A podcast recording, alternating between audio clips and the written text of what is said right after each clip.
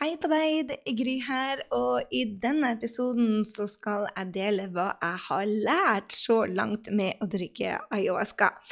Du, dette er kommet til episode 296, og hvis du ikke har fått med deg 293, 294 og 295, så egentlig hører de vel sammen, så dette er ikke den beste episoden til å begynne å høre, for da tror du kanskje jeg har klikket litt. Grann.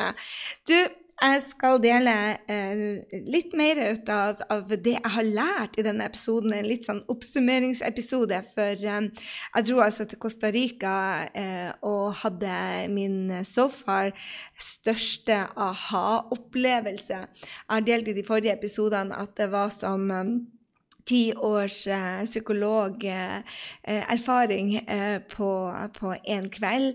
Og, og um, noen av de tingene som har vært utfordringa mi, har vært å egentlig oppsummere de 40 årene jeg følte jeg var igjennom, til bare noen få læringer. Men nå har jeg altså laga syv topplæringer som jeg vil dele med deg, um, og jeg bare lover deg at dette er veldig personlig, men, men men jeg tenker at kan, du kan dra ut masse som gjelder ditt liv. Så hvis du har det perspektivet at du er her for å lære noe om deg selv, og du ønsker å ta med deg noe nytt inn i din hverdag, sånn at du kan vokse, så eh, sett med den, sett med den intensjonen, for da er jeg overbevist på at du får det. Da vi dro fra, eh, dro fra Rytmia, så, så, sa de hele tida at du blir å få noen tøffe 21 dager. Og jeg tenkte bare ja, særlig. Nå har jeg vært gjennom den tøffeste uka i livet mitt. Jeg tror ikke det her kan bli veldig tøffere. Eh, de sa til meg hvilke dager som kom til å bli verst, og jeg hadde helt glemt det før jeg måtte bare Jeg bare tenkte bare Nå er jeg så på feil spor i livet mitt at dette her går ikke. Jeg, jeg vet ikke fram bak på meg selv. Eh, og jeg skulle ha kunder, så jeg følte meg uhorvelig lost, egentlig. Til, til, tross for at jeg kunne bare trykke på GPS-en og se hvor jeg var, så følte jeg meg det at hvor jeg hørte hjemme hva jeg skulle, eh, visjonen min var borte. eh, ja, ja, jeg bare følte meg som uverdig, er vel et ord som jeg satt igjen med. Og da, da, gikk jeg tilbake til notatene mine, og da sto det liksom dag åtte-ni. Du kommer til å gå ned i et sort hull og lure på hva som er meninga med livet, og det skjer de fleste. Og da ble jeg bare så overraska. Hvordan kunne de vite det? Men, men det viste seg det at, at medisin snakket snakker til deg i ja, hele 21 dager etter. Og jeg vil bare si det at nå er det vel oh la la, det er eh, seks-syv uker siden jeg kom hjem når jeg spiller inn dette. Og det, jeg, har, jeg, husker drømmene mine. Jeg har en mye, mye større eh, eh, åpenhet i forhold til min egen liten, hvor liten del jeg er, og hvor lite jeg kan. Og jeg følte vel det at det var mye bedre å trodde at jeg var faen til feier, istedenfor å skjønne hvor liten jeg egentlig var. Så det har vært en sånn omstilling fra å tro at du kan sånn noenlunde en del, til å føle det at du, du, du er bare uviktig. Så, så, det har vært en, en interessant reise både på selvtilliten, selvfølelsen og meninga med livet og det hele. Men, men jeg begynner å Jeg har fått en, en, veldig dyktig healer i Oslo. Jeg har fått hjelp ut av det, eh, ja, samholdet av de som var der. Og, og føler det at nå jeg begynner å komme på plass igjen, for å si det sånn, hvor jeg, hvor jeg har en, en, veldig tydelig retning. Vi går jo inn i det siste kvartalet av året, og, og, jeg føler meg vel mer on fire enn jeg har gjort på, på veldig lenge. Uh, så, så um, uh, jeg tror jeg begynner å komme til um, den lille læringa jeg skal ha ut av ayahuasca. Nå sier de jo det, at de som har vært der før, at, du, at dette er bare starten, og jeg tror dem. Men det er kanskje litt kort tid til å dele, men her er jeg.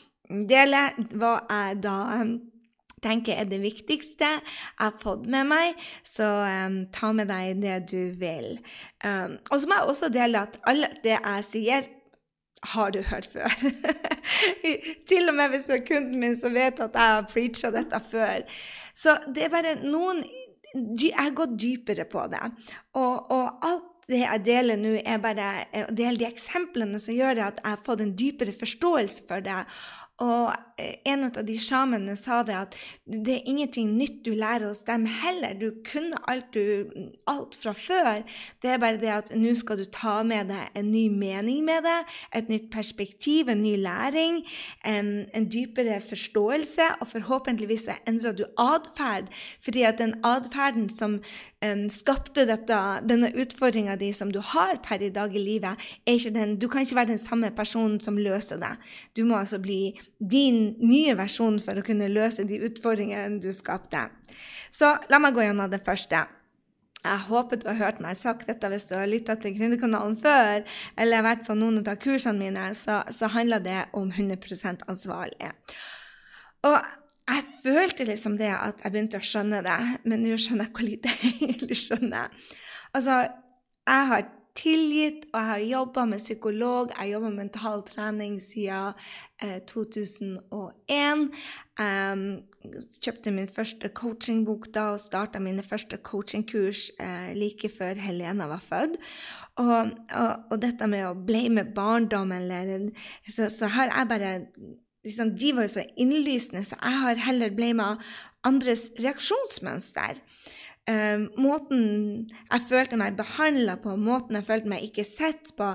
Men, men hele tida så handla det jo om at du kan ikke velge de omstendighetene der ute. De blir valgt for deg, og ofte med en, en større purpose enn det vi klarer å se. Men det du kan gjøre, er å velge reaksjonsmåten din. Så jeg følte vel at jeg har oppdaga hvor mye feighet som har vært i meg ikke et ord. Jeg skrev det med store bokstaver når jeg skulle lage dette, nei, men jeg følte at, at jeg hadde vært feig. Og når andre beskriver meg, så er det vel kanskje ikke det de første de tenker på. I hvert fall håper jeg ikke det. Men, men jeg har trukket meg unna når det har blitt for vanskelig. At OK, nå har jeg prøvd. Nå gidder jeg ikke mer. Men så har jeg fått speilet opp til andre som, som oppfører meg selv, hvor jeg ser min egen reaksjon inni andre. Hvor når f.eks. venninner så, så med en gang det er en utfordring, så så trekker man seg unna, for man vil ikke ha Vi er forskjellige verdier. Jeg hører det så ofte når andre kommer til meg og får coaching. og bare Nei, jeg trakk meg unna henne, for vi har så forskjellige verdier. Og jeg har vært stolt av dattera mi når hun har trukket seg unna fordi at man har forskjellige verdier. Og så begynte jeg å tenke hm, er ikke det også å gi litt opp? Eh, å trekke seg unna når det blir vanskelig, istedenfor å ja, være der i kjærlighet, være modig og tørre å ta samtaler som skaper en dypere innsikt, og være klar over det at hvis du søker bare de folkene som er lik deg, og gir deg kjærlighet på den måten du trenger det, så, så er det faktisk ikke vekst. Hvis du går inn i den samme situasjonen om og om igjen, da, um, både på det gode og det som ikke er fullt så godt, så blir det å gjenta seg, gjenta seg. Og da snakker vi om rutiner som kanskje ikke gagner oss.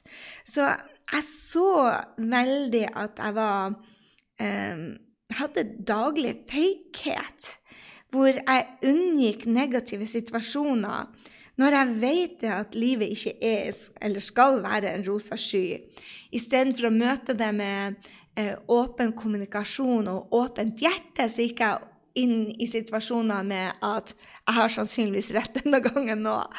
Og jeg trodde jeg hadde lært det, men jeg ser det bare det at egoet mitt har bare vært bedre til å skjule det for meg.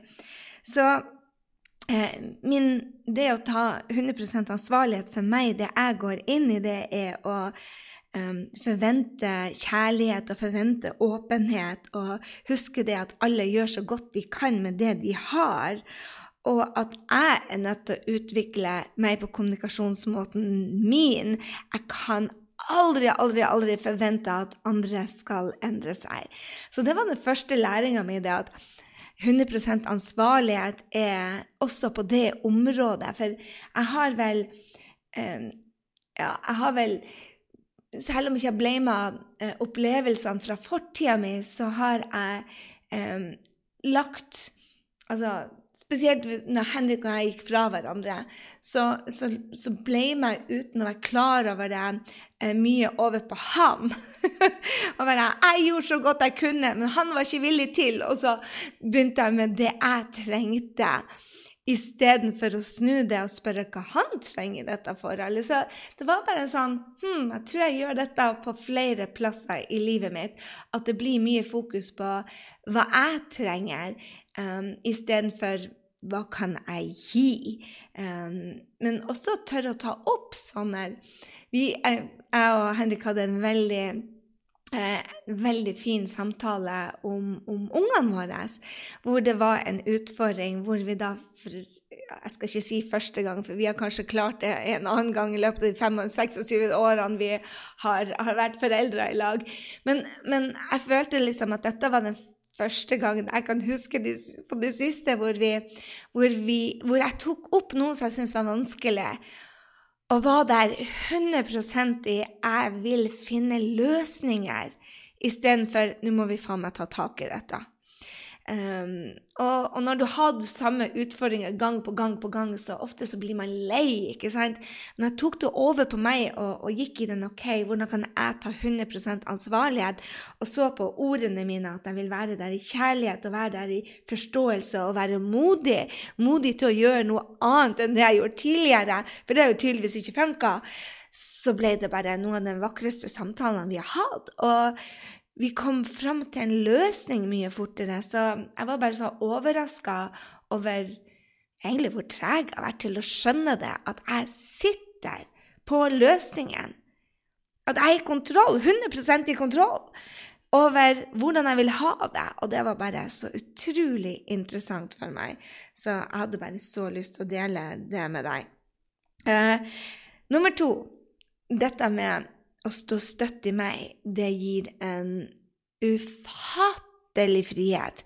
For jeg hadde trodd Jeg trodde faktisk Det høres litt sånn banalt ut og kanskje veldig naivt, men jeg trodde at jeg var ferdig med å være addiction til drama og lidelse når jeg dro bort dit.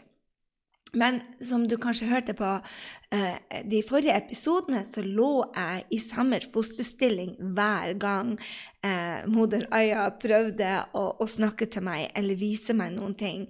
Så, eller jeg fikk kvalme eller så for meg det som hadde skjedd som gjorde så mye smerte.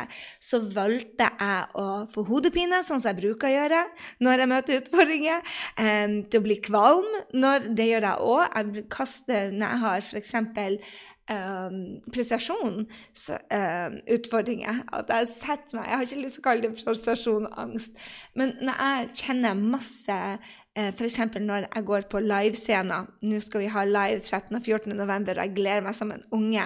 Men rett før jeg skal på, eller de siste dagene, så er jeg bare fra meg i om jeg klarer å levere det jeg har sagt, eller om, om jeg klarer å, å, bare snakke, om stemmen holder, om jeg holder, om jeg klarer alle de sosiale tingene rundt det. Um, det å F.eks. det at alle kjenner meg, men jeg kjenner ikke alle, bruker jeg synes er så utfordrende. Så jeg er dikta til den lidelsen, hvis du skjønner. Mens nå har jeg øvd meg da på å stå støtt i meg, um, og det er, for det gir frihet.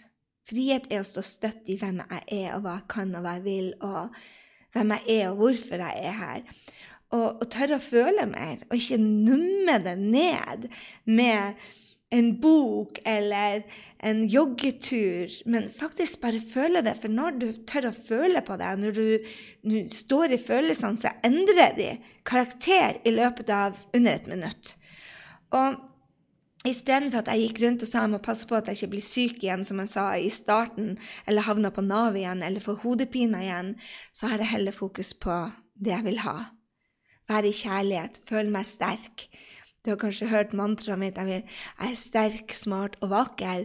Um, det, ha fokus på det, men føle det. Føle meg vakker istedenfor inkompetent eller føle meg um, mindreverdig eller føler meg liten. Så, så vet jeg at jeg er sterk. Jeg vet innerst at jeg er vakker. Vi alle er født sånn, og alt annet er en løgn, en illusjon. Og det er det jeg har fått veldig fokus på, det jeg vil ha. Så uh, hun uh, Lopez, som jeg delte litt i, i fra tidligere episode Jeg håper du fant den linken til henne. Um, hun er bare nydelig med måten hun sa det at Gry, du trenger ikke å sette grenser for deg selv. Og når du står støtt i deg, så trenger du ikke å passe på eller sette masse grenser. Og en av de tingene som jeg har endra veldig um, um, jeg, var, jeg, var, hos Brendan Bushard på en av eventene hans, og jeg sto på scenen der og delte hvordan jeg hadde gått fra um, Nav-kunde, hvor jeg ikke kunne betale regningene mine, uh, det heter kanskje ikke Nav-kunde. Jeg var på Nav, i hvert fall. Til da å tjene 1 million dollar da på 18 måneder ved hjelp ut av bl.a. Brend Burchard. Når jeg gikk ned fra scenen, så hadde jeg stort sett 2000 mennesker som gjenkjente meg, for de var i salen, de hørte historien min, og de ble inspirert. Og jeg har ikke gått av scenen for folk begynte å si for en inspirerende historie, og jeg er så inspirert av henne. Kan du dele hva du gjorde? Og jeg kjente på panikken da. Jeg, bare, jeg vil jo egentlig være eh, Når jeg drar på de eventene, så vil jeg egentlig være anonym og liten. Og jeg gjorde dette også på Jeff Walkers scene. Takka Jeff, for han var en av de som hjalp meg veldig med min business. Ikke sant? Jeg starta opp Alle mentorene mine har hatt en stor del ut av um, den endringa jeg klarte å gjøre. Så, så hadde jeg en kunde da som, som sa til meg det at når hun um, sto på scenen eller var på live med meg, eller kom på scaleup-treffene, så fikk hun litt hetta for at folk bare hoppa over. 'Hvordan gjør du det? Hvordan gjør du det? Gjør du det?' Og da kom jeg på det som, som Brenton sa til meg, det at um, også Christina Lopez lærte meg det, at, um, at når du står trygt i deg selv, så trenger du ikke. Og da sa jeg til henne det at bare hm, det er du som må sette grensene. Og sier bare hei, gjør det Gry sier. Følg prosessen, gjør jobben. Gjør en 90-dagersplan i gangen. Jeg tror på deg. Og akkurat nå, fortell meg heller om, og så stiller du dem et spørsmål. Vær interessert. Um, ja, nyt mer. Still spørsmål. Folk elsker egentlig å snakke om seg selv. ikke sant? Så hvis du stiller spørsmål til andre, så gir du oppmerksomhet over til dem. Så, så jeg tenkte bare før så tenkte jeg bare Å, stakkars meg! 2000 mennesker endre, så meg. Og det var vel det hun sa bare. Og hver gang jeg kommer på disse treffene, så hiver de scaleup-folkene seg over meg. Og jeg bare Nei, det er ikke sånn. Det er du som ikke står støtt i deg. Så det handler selvfølgelig om 100% ansvarlighet, men også det her at du trenger faktisk ikke å, å, å, å sette opp grenser. Jeg satt faktisk ikke på en eneste grense. Jeg bare sånn Vet du hva, du har alt det du trenger. Når du er sammen med Brenton, går gjennom kurset hans, Alt er der. Jeg gjorde bare det han sa. Men det ikke de fleste gjør, er å spørre om feedback. Det må du gjøre. Du må få feedback. Og um, det er vel det de fleste hos meg også er redd for. Og det handler jo egentlig ikke om å være redd for feedback, det handler om å tørre å se dum ut. For man spør ikke de beste spørsmålene første gangen man gjør det. Men være OK med det. Vet du hva? Jeg er villig til å se litt weird ut og litt dummere ut enn vanlig når jeg ikke kan det. Akkurat som man ser litt Nei, det, ordet dum er verdt. Man ser ut som en nybegynner første gangen man, man, sykler. Det må man tørre også å gjøre når man begynner å stille spørsmål i en sånn grundig prosess. Så um, det Jeg tror det var Jeff som sa det til meg. Um, at han sa bare føl på kjærligheten og nærheten til menneskene, og dropp dramaet ditt. Og det tenkte jeg bare Ja, det var vel det som jeg gikk dypere i. At jeg var addicted til drama og til lidelse fordi jeg hadde ni år med hodepine. Nå har jeg kanskje tre dager i måneden men likevel, de tre dagene så er det egoet mitt som har jobba litt med meg, hvor jeg blir dratt inn til drama, og til lidelse. Så nå skal jeg ha fokus på å stå støtt i meg selv. For det er frihet. Og det tenkte jeg bare med deg òg. Kanskje det er noen situasjoner der ute hvor du føler det at de andre kunne gjort det bedre. Men du trenger ikke det. Du kan bli bedre. Du kan være deg. Og ha fokus på det som da du vil ha. Altså, det er det det handler om frihet. Ha fokus på, på det du vil ha. Og det bringer meg over til læring nummer tre jeg har tatt med meg. Sett en intensjon. Altså, alt vi gjorde på Rytmia, var å sette intensjoner. Vi, vi, var på treningsleir for intensjoner. Og jeg har hørt av Brendan og eh, Brendan Bushard og Oprah og Gabby Bernstein, som jeg jobba med, og alle de, de, de spirituelle um, lærerne jeg har lest bøker ut av. Alle nevner det jo. Ha en intensjon med det du gjør. Du, du må ha en intensjon, og allikevel når jeg lever dagliglivet mitt, så glemmer jeg det. Når jeg skal skulle i møter, eller jeg, Altså, OK, der er jeg ganske god. Der har jeg øvd meg. Jeg er veldig god. Jeg er veldig god før jeg har coachingtimer, eller før jeg har mastermind-møter eller scale-up-møter eller møter generelt med mennesker, så bruker jeg å sette en intensjon med I møte med andre mennesker så er det veldig sjeldent at jeg ikke vet hva intensjonen med det møtet er. Jeg hadde en, en lunsj før eh, jeg skulle møte coachen min, og da satte jeg intensjon før det lunsjmøtet jeg satt på trikken. Jeg hadde en intensjon før jeg gikk inn til coachen, og når jeg dro og tok et, vin med glass, Maria, eh, et glass vin med Maria, så hadde jeg en intensjon. Det er jeg god på. Men når jeg setter meg på jobben, eller spiser lunsjen min, eller foran den treningsøkta, så er jeg ofte bare på rutiner. Og da føler man jo ikke det gode. Da, hvis jeg setter en intensjon før treninga og er bevisst på det, så får jeg 100 ganger mer ut av det. Jeg skal forresten gå og, og, og, og, trene styrke etterpå. Og da sa jeg bare hva er intensjonen med denne treningsøkta? Og da fikk jeg mye mer lyst til å gå og gjøre den treningsøkta. Pluss at jeg tror jeg blir ha det mye mer gøy under treningsøkta og etterpå. Fordi at jeg har en intensjon. Så Ofte så får man jo det man har fokus på, men når man ikke får det, så er det en av de tingene jeg tok med meg fra, fra ayahuasca og fra møtet mitt med, med, med, meg selv, min høyere selv, er at jeg må stole på at universet har en større plan enn meg. Jeg er bare lille Gry. Der er så mye. Hvis noen hadde sagt til meg hvordan livet mitt nå ble veldig rørt, så hvis jeg begynner å grine igjen, så er det Vet du hva, hjertet mitt bare fylles opp for hvor lite Hvor lite visjoner jeg egentlig hadde. Min, min visjon var å, å, å, bare komme meg ut av Nav. Jeg klarte ikke å se at jeg Jeg har hjulpet over 7000 mennesker.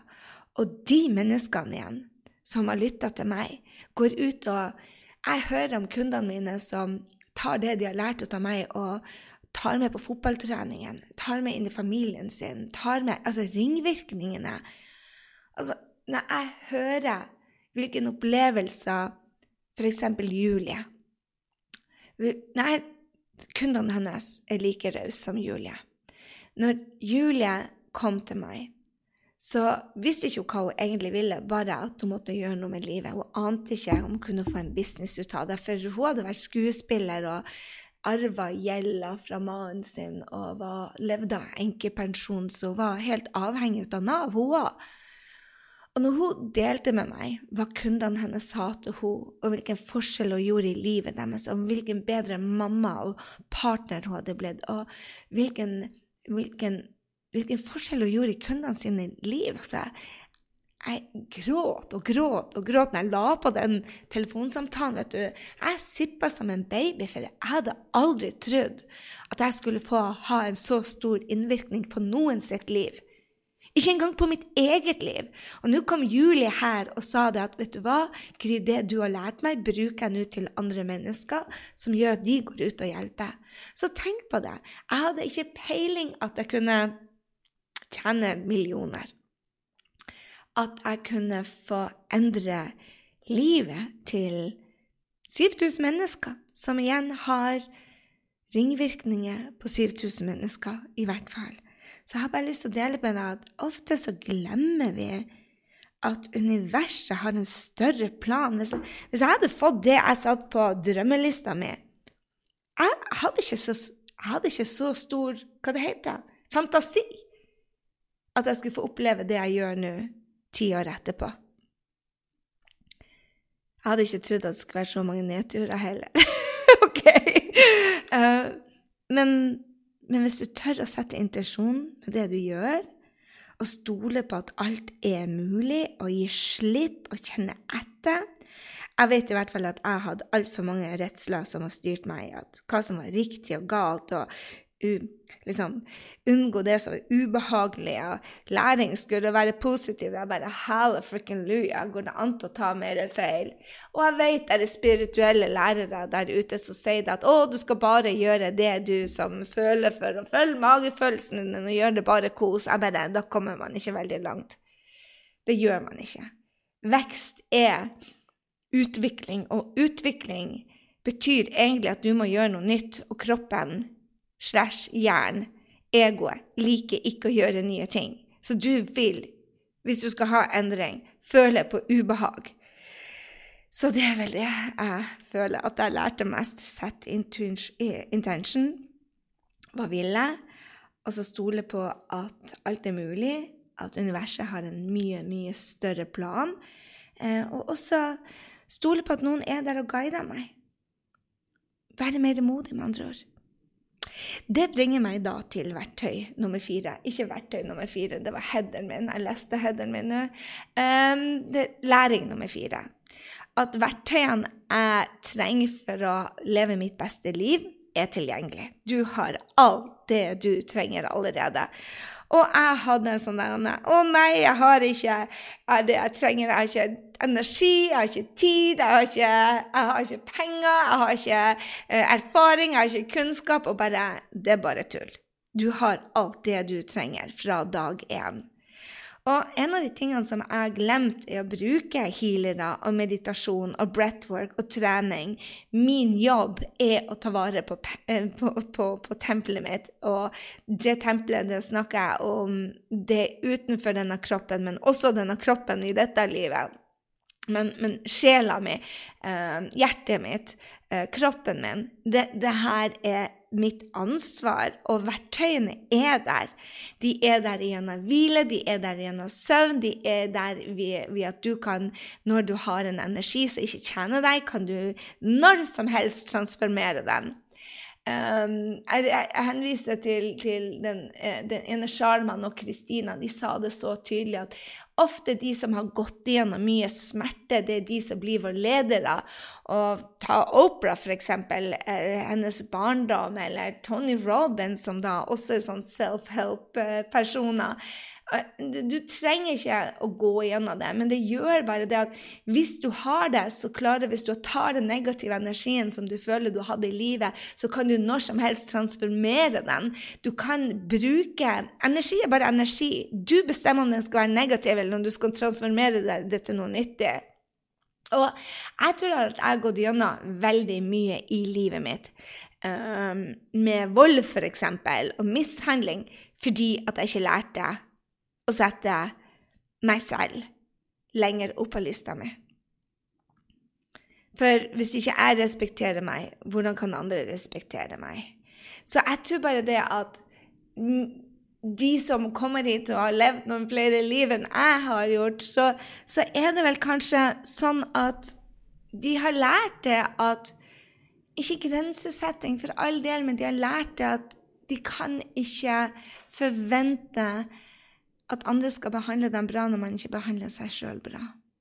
Og jeg kasta opp, og jeg hadde så mye negative tanker, og jeg så på meg selv som jeg ikke var verdig. Og hvis ikke du ser på deg selv som verdig, så vil ikke noen andre gjøre det. Og da snakker jeg ikke nå de siste 20 årene, men jeg ser hvorfor Jeg spurte meg selv hvorfor hadde jeg så mye lidelse i livet mitt fra 0 til 25 år. Og jeg tror det var bare for at jeg var, ikke ville ha endring, ville ikke gå inn i den. Jeg trodde at smerten eh, med å endre seg var større enn den smerten jeg var i nå, og så feil går det an å ta. Så verktøyene er der. Jeg har opplevd stress det siste. Jeg josser litt til kundene mine når jeg sier at stress ikke er en del av vokabularet mitt, men jeg tillater ikke det til å være det. Eh, når jeg føler stress på kroppen, så er det fordi at jeg har dårlig planlegging. Eller hvis jeg går gjennom situasjoner eh, Setter meg sjøl i situasjoner f.eks. som ikke jeg kan kontrollere. Eh, la oss si at noen andre går gjennom en smerte. Eh, så tar jeg den smerten inn som om den er min. Ofte gjør vi det med barna våre eller kjæresten vår eller venner. Så tar man på seg smerten som om det er vi som eier den. Det er ikke det. Andre mennesker er nødt til å gå gjennom sin egen smerte og sin egen vei i livet.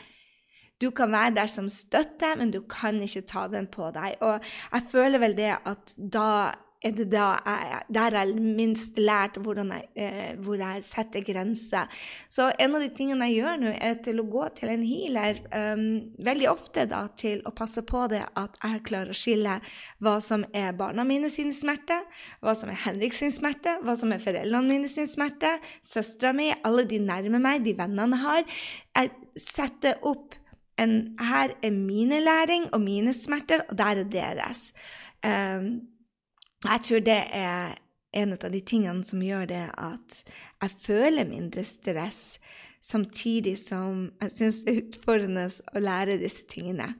Så, eh, men igjen, verktøyene er tilgjengelige. Jeg vet at hvis jeg legger meg ned og tar 35 minutter breathwork, så er jeg rolig. Da jeg, føler jeg at jeg har lina sjela mi og kroppen min, og det bare føles mye bedre enn når jeg ikke gjør det.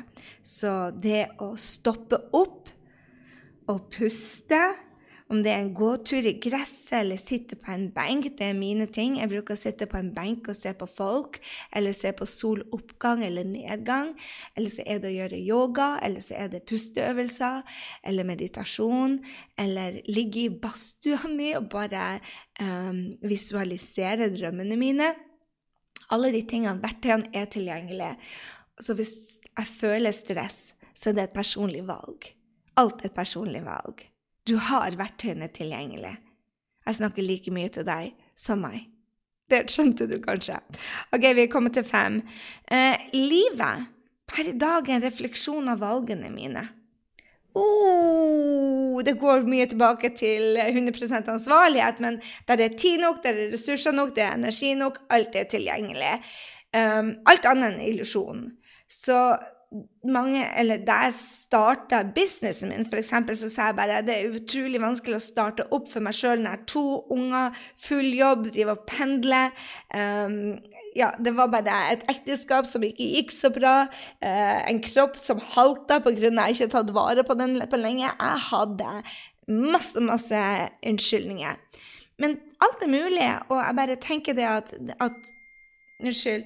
At alt er uh, Alt er bare vårt eget valg. Så livet er valg. Og der jeg er per i dag, en refleksjon av valgene mine. Og jeg vet at når jeg har struktur, og jeg har intensjon, og jeg har commitment, og jeg har bestemt meg, og når jeg tar kontroll, så vet jeg også det at jeg får et helt annet glede og joy og, og vekst, om du vil. Så hver eneste dag går vi gjennom noen daglig action. Og jeg har en sånn mantra, eller en sånn key message, som jeg kaller det, som heter kort, Hva velger du? Kortsiktig glede eller langsiktige resultater? Og ofte så velger man sofaen, eller velger bort den treninga, eller velger bort den vanskelige samtalen, eller velger bort noe som er smertefullt på kort sikt, mens vi egentlig vet at hvis vi utsetter det eh, så får det konsekvenser på lang sikt. Så livet mitt per i dag, hvis det ikke er noe som funker, og der er utrolig mange områder i livet mitt som ikke funker, men, men de områdene jeg ønsker meg bedre resultat på, som f.eks. kjærlighet eller nære relasjoner eller kroppen min, hvordan den fungerer, eller lønn for den saks skyld, eller frihet Alle disse områdene, eh, spirituell frihet, alle disse områdene ønsker jeg å forbedre meg på. Jeg vil ha bedre resultater på det. Fysisk, mentalt, emosjonelt, spirituelt. Så en healer sa til meg at jeg er utrolig god på å manifestere. Fordi at jeg har vært her ganske mange ganger og gjort det samme igjen og igjen og igjen. Men nå må jeg gå gjennom en indre jobb, og det er krevende. Um, så, så, hvis jeg vil ha andre valg, så må jeg tørre å stå i det. Så hver gang jeg er på en plass hvor da jeg er ikke der jeg skal Der jeg har enormt mye potensial. Yes. I de områdene av livet mitt hvor jeg har enormt mye potensial som skal ut, så må jeg ta andre valg. Og det er krevende. Du kan ikke løse de utfordringene med den samme personen som har skapt problemet. meg. Så det å ha gode folk rundt meg til å bygge en ny grunnmur, det har vært essensielt. Og nå bygger jeg opp et team rundt meg som, eh, som jeg kan lene meg på, eh, som er mye mer stabilt enn det jeg har hatt. Og det har vært en wow. For livet er en refleksjon av valgene mine. Jeg må ta nye valg.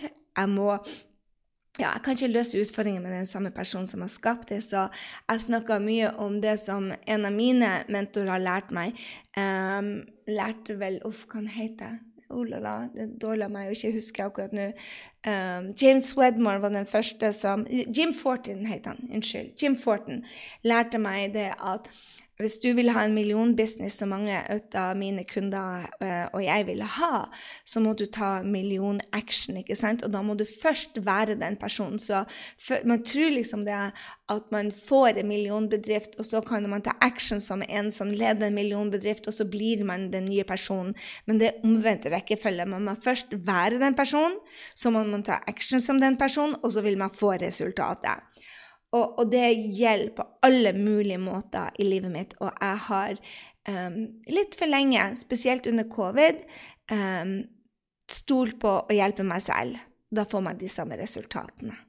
Så um, nå har jeg satt opp en ny 90-dagersplan som jeg elsker, uh, og som skal gjøre det at jeg får progresjon på de viktige delene av livet mitt. OK. så nummer seks To igjen. Nummer seks Vekst handler om nye perspektiver. Du tror det kanskje ikke, for den, dette, når du har kanskje hørt på meg de siste ti årene, så har jeg snakka om det tre løsningene på alt. Men jeg var veldig sort-hvitt før. Eller, enten var det himmel eller helvete. Jeg hadde stort sett to valg, og den ene gikk jeg nedover, og den andre var bare helt umulig å klare. Og sånn er det.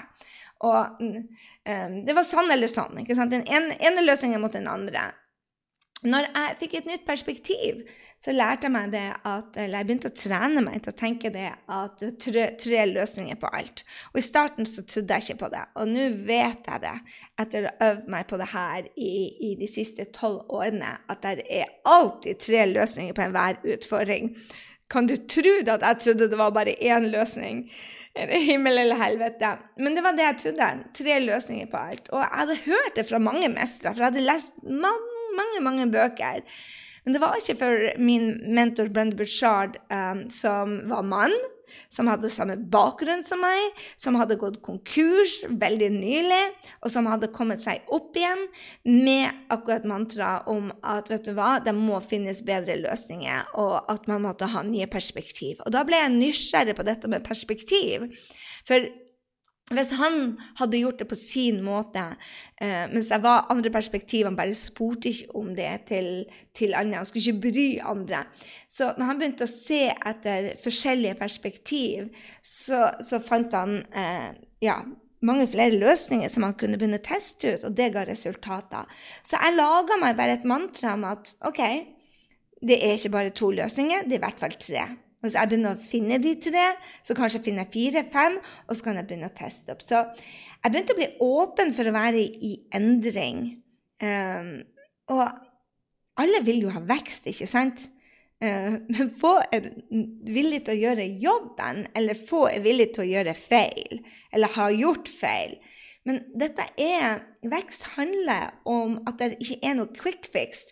Når jeg hjelper folk å bygge business, så vet jeg det at 20% av businessen vår er salgssystemet. Og skal du tjene mer penger, så er det ofte på de 20% du må justere. Det er noen fem tall som jeg justerer, som jeg lærer gründerne mine å se etter. Og, og, de justerer vi hele tida, konverteringstallene våre. Men, men, ellers er det liksom bare Du setter opp den biten der, og når du har lært deg dette, så kan du det. Etter det er det bare små justeringer.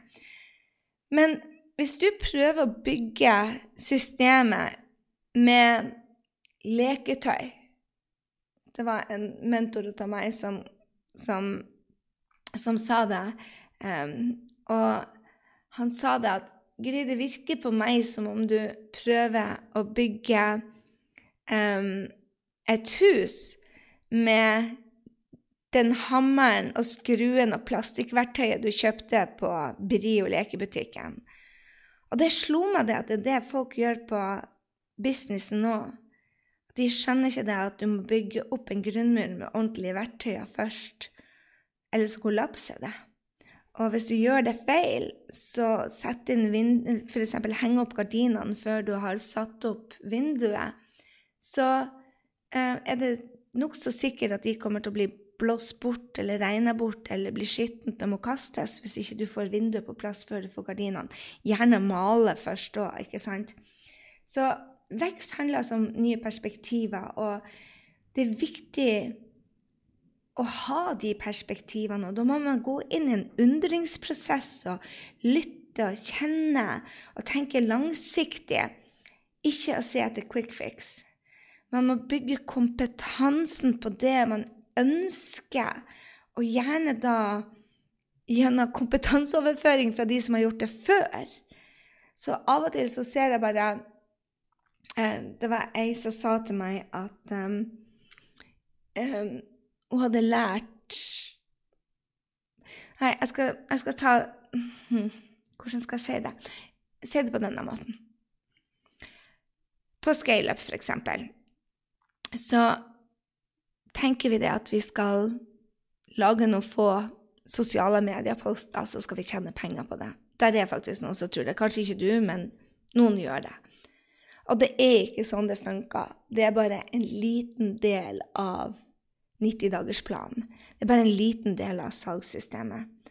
Og hvis du da ikke gjør den jobben som er unnfor, og da snakker jeg ikke business, jeg snakker også på det mentale, på det spirituelle.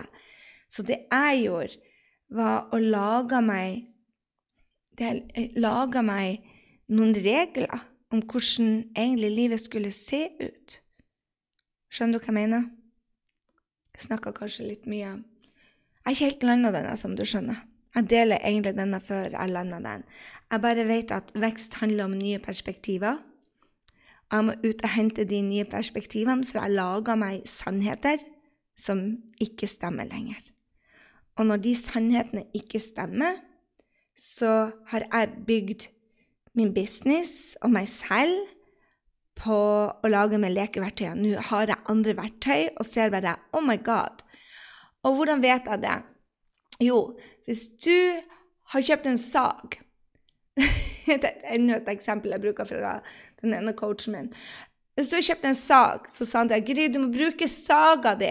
Og så må du se at det kommer sånne greier ut, og at den faktisk deler i, to. Du må se på resultatene dine.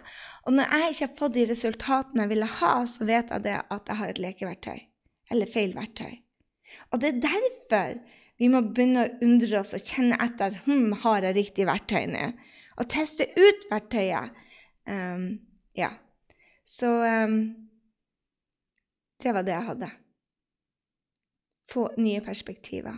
Og hvis du ikke får resultatene, så sitter du med feil perspektiv, kanskje. Som bringer meg til siste, og kanskje Nei, jeg har én igjen. Til den nummer syv, historien.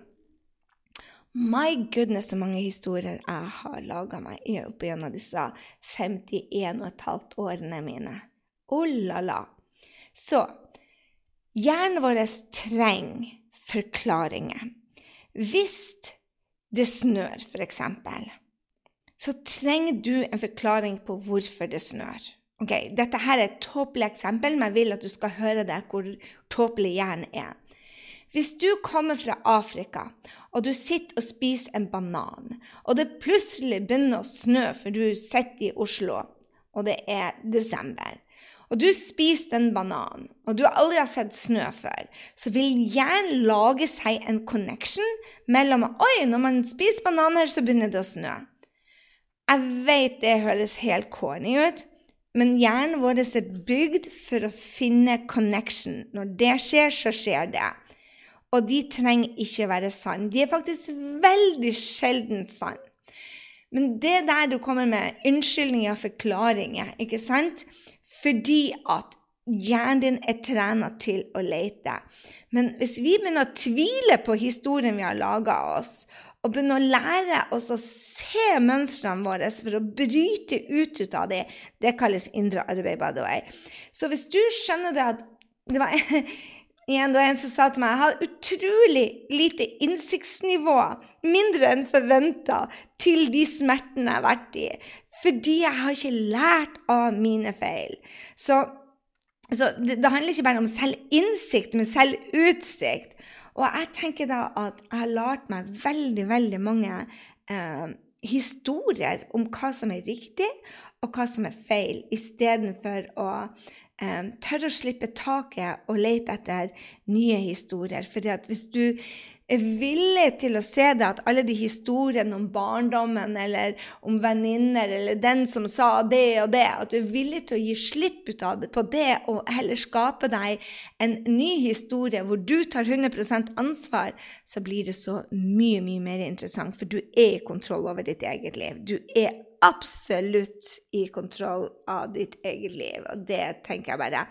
Jeg har i hvert fall begynt å tvile på alle historiene jeg laga meg. Og jeg har spesielt gått inn i dette med det huset der som brenner, hvor du ser det at den som satte på brann, og den som bor der, og brannmannen og avisreporteren som skal lage en story, alle ser på denne brannen og har hver sin historie. Um, og ingen av dem er sann, og alle er sann. Så man sitter på sitt perspektiv, man sitter på sin historie, og hvis man da tenker bare hm, hva hvis jeg låner andre sin historie? Får jeg et større innsikt eller utsikt i livet mitt da, det er da det begynner å bli spennende. Så jeg begynte å tvile på alle historiene jeg laga meg, rett og slett for jeg ville vekst og jeg ville andre resultater. Og det er rett og slett spennende. Så kanskje du har laga deg en historie. Jeg hadde laga meg en historie om ekteskapet vårt. Jeg hadde laga meg en historie om hvorfor jeg kjefta mye på ungene. Jeg laga meg en historie om hvorfor jeg fikk vondt i hodet. Jeg hadde laga meg en historie om hvorfor um, jeg fikk bank ut av eksen min. Jeg laga meg en historie om hvorfor det aldri skjedde, alltid skjedde meg. Jeg laga meg så mange historier for å tilfredsstille egoet mitt. Og nå bare hm, med en gang jeg kommer på den historien Hva om det var bullshit? Hva om det var bare tull? Hva om det ikke var det som skjedde? Hva om jeg bare har laga den historien sånn at jeg skulle føle at jeg hadde riktig, og jeg satt på sannheten, og jeg var smart, og jeg var den som var i sentrum, og jeg var den som var den fornuftige? Hva hvis jeg laga den historien for å beskytte meg selv? Hva da? Hvordan vil den se ut fra den andre perspektivet? Det har vært utrolig nyttig og lærerikt. Og hva har det med ayahuasca-delen å gjøre? Jo, for jeg fikk se så mange historier som, i hodet mitt som jeg har trodd på, hvor det var andre involvert. Hvor det var andre skjebner, og hvor de ser på det på en helt annen innsikt eller utsikt. Jeg vet ikke hva det er. De så på det på en helt annen måte, og jeg eier ikke sannheten.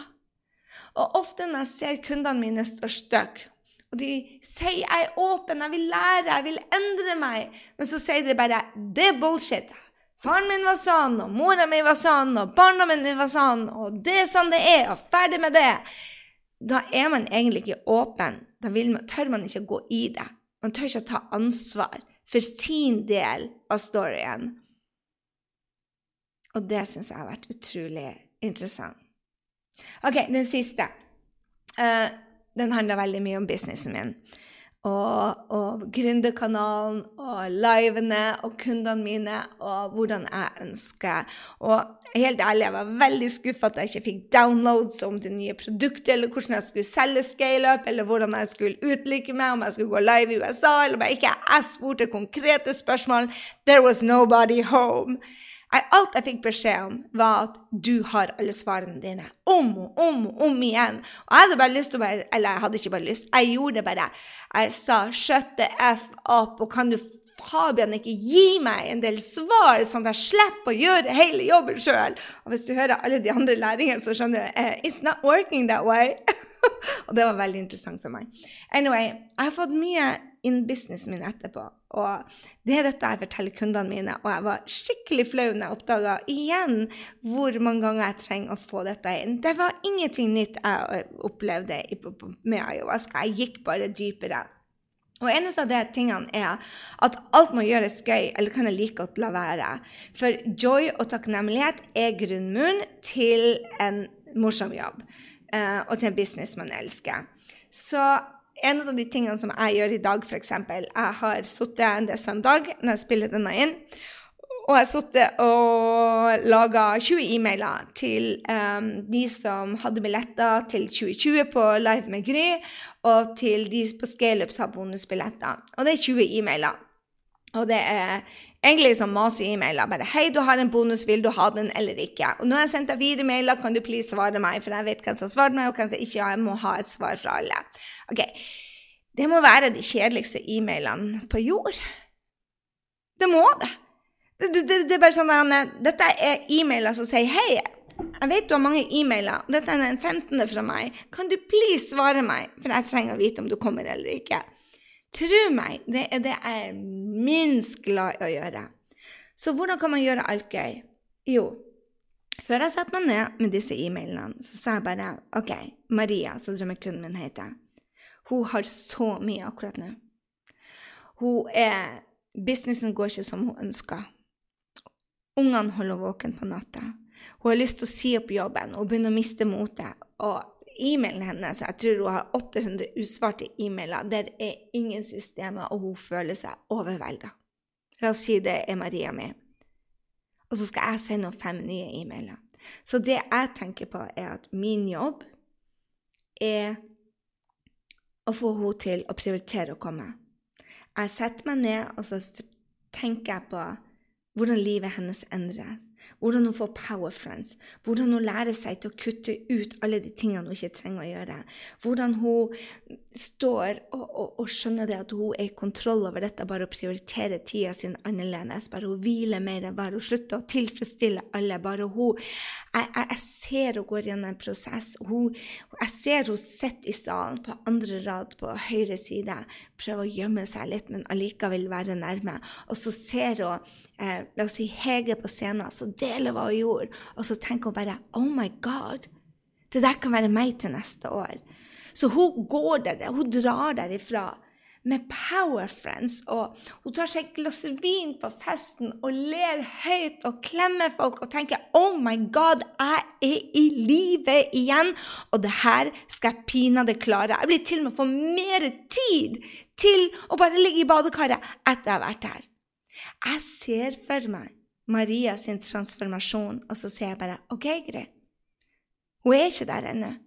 Du må lukke gapet, sånn at hun får meldt seg på. For hvis ikke hun får meldt seg på og tatt den billetten som hun har allerede, så blir ikke hun får komme dit. Og så setter jeg meg ned og skriver de e-mailene. Så sier Maria, jeg vet du har mye, men du må svare meg. Du er nødt til å gjøre denne jobben. Jeg og du skal ha det gøy sammen. Vi skal rocke sammen. Den helga kommer til å bli uforglemmelig, men du må først ta mot til deg og bare avlyse alt annet du har, og prioritere dette.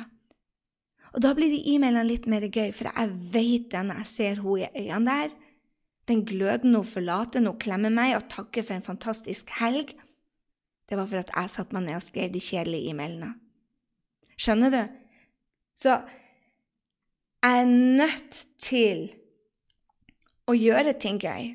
Også om det er en opt-in. Jeg er nødt til å sette meg ned og se for meg kunden som får livet sitt endra fordi at jeg gjorde noe som var ganske kjedelig. Tro meg, kjøre, skrive 20 e-mailer på en søndag er ikke my favorite thing to do. Men jeg vet at hvis Maria kommer, så får hun endra livet sitt. Hun bare gjør det.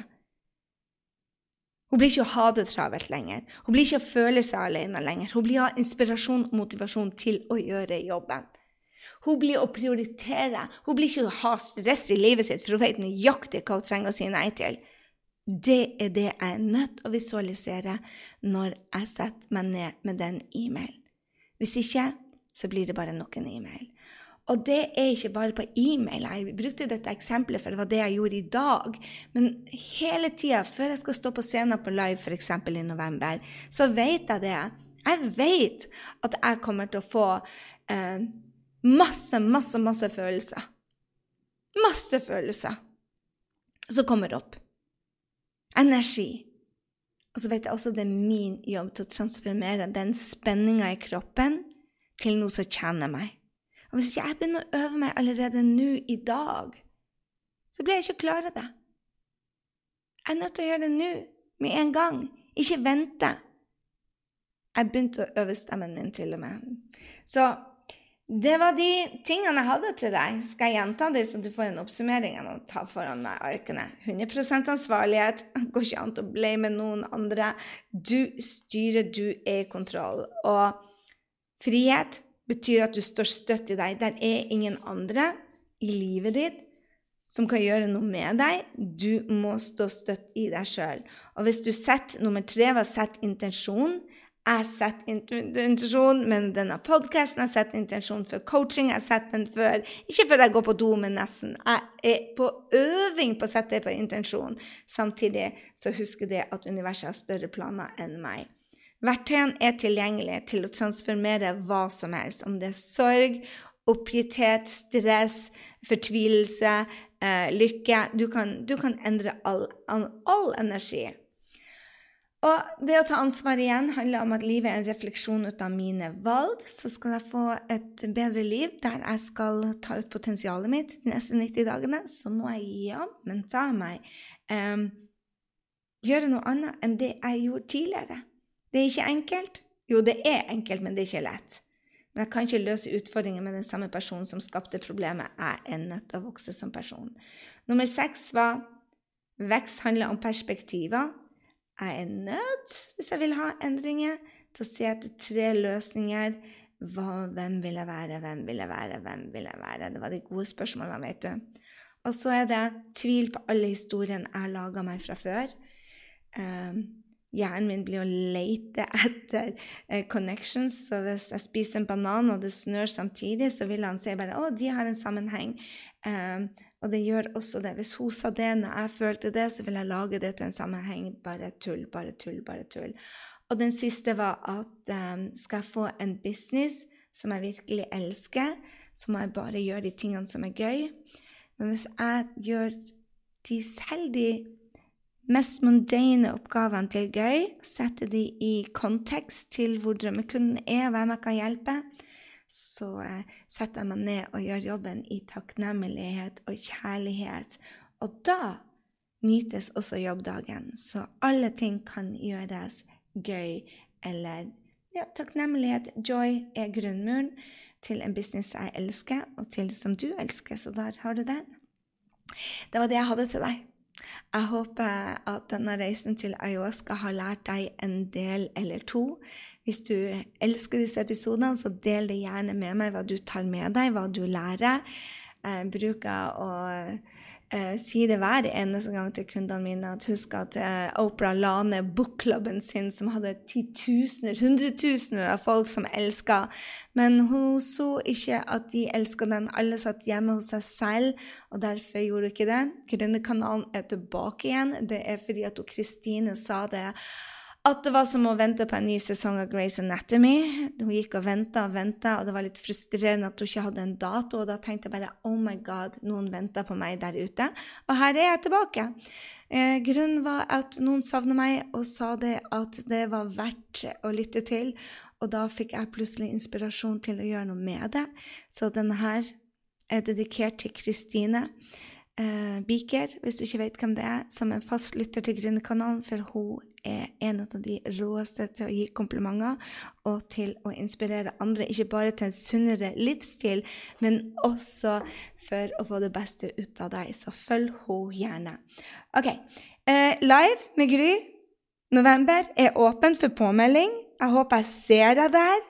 Uh, send meg melding på Instagram hvis du trenger linken, eller gå inn på grisending.no slash live 2021. Dette blir de råeste to dagene vi blir å ha i år. Fy faro, som jeg gleder meg. Det er to år siden sist, to og et halvt år siden sist vi møttes. Og dette her blir bare helt fricking amazing. Hvis du vil lære deg marketing, ha nye power friends, vil lære deg hvordan du planlegger en business Dette er for gründere, altså. Men uh, den råeste gründergjengen ever. Og nå, uten restriksjoner, så får vi lov til å møtes en del. Og jeg håper jeg ser deg der. Du kan gå inn på uh, iTunes. Ehm, der finner du selvfølgelig linken til liven til å melde deg på. Og ikke minst, ehm, du kan gå inn på bloggen grysynding.no slash blogg. Der finner du alle episodene våre. Okidok, vi høres i neste uke. Da er det rå business-snakk. Ferdig med det her selvutvikling og kosepratet. Um, Årsaken til at så få eh, gründere tjener penger, blir jeg å dele med deg, sånn at du kan gjøre noe med den og få et nytt perspektiv. Det er i neste uke. Akkurat nå, takk for i dag, og så høres vi. Dette er by the way den lengste episoden jeg noensinne har rekorda, så jeg håper du hadde meg i fort speed. Mus, mus!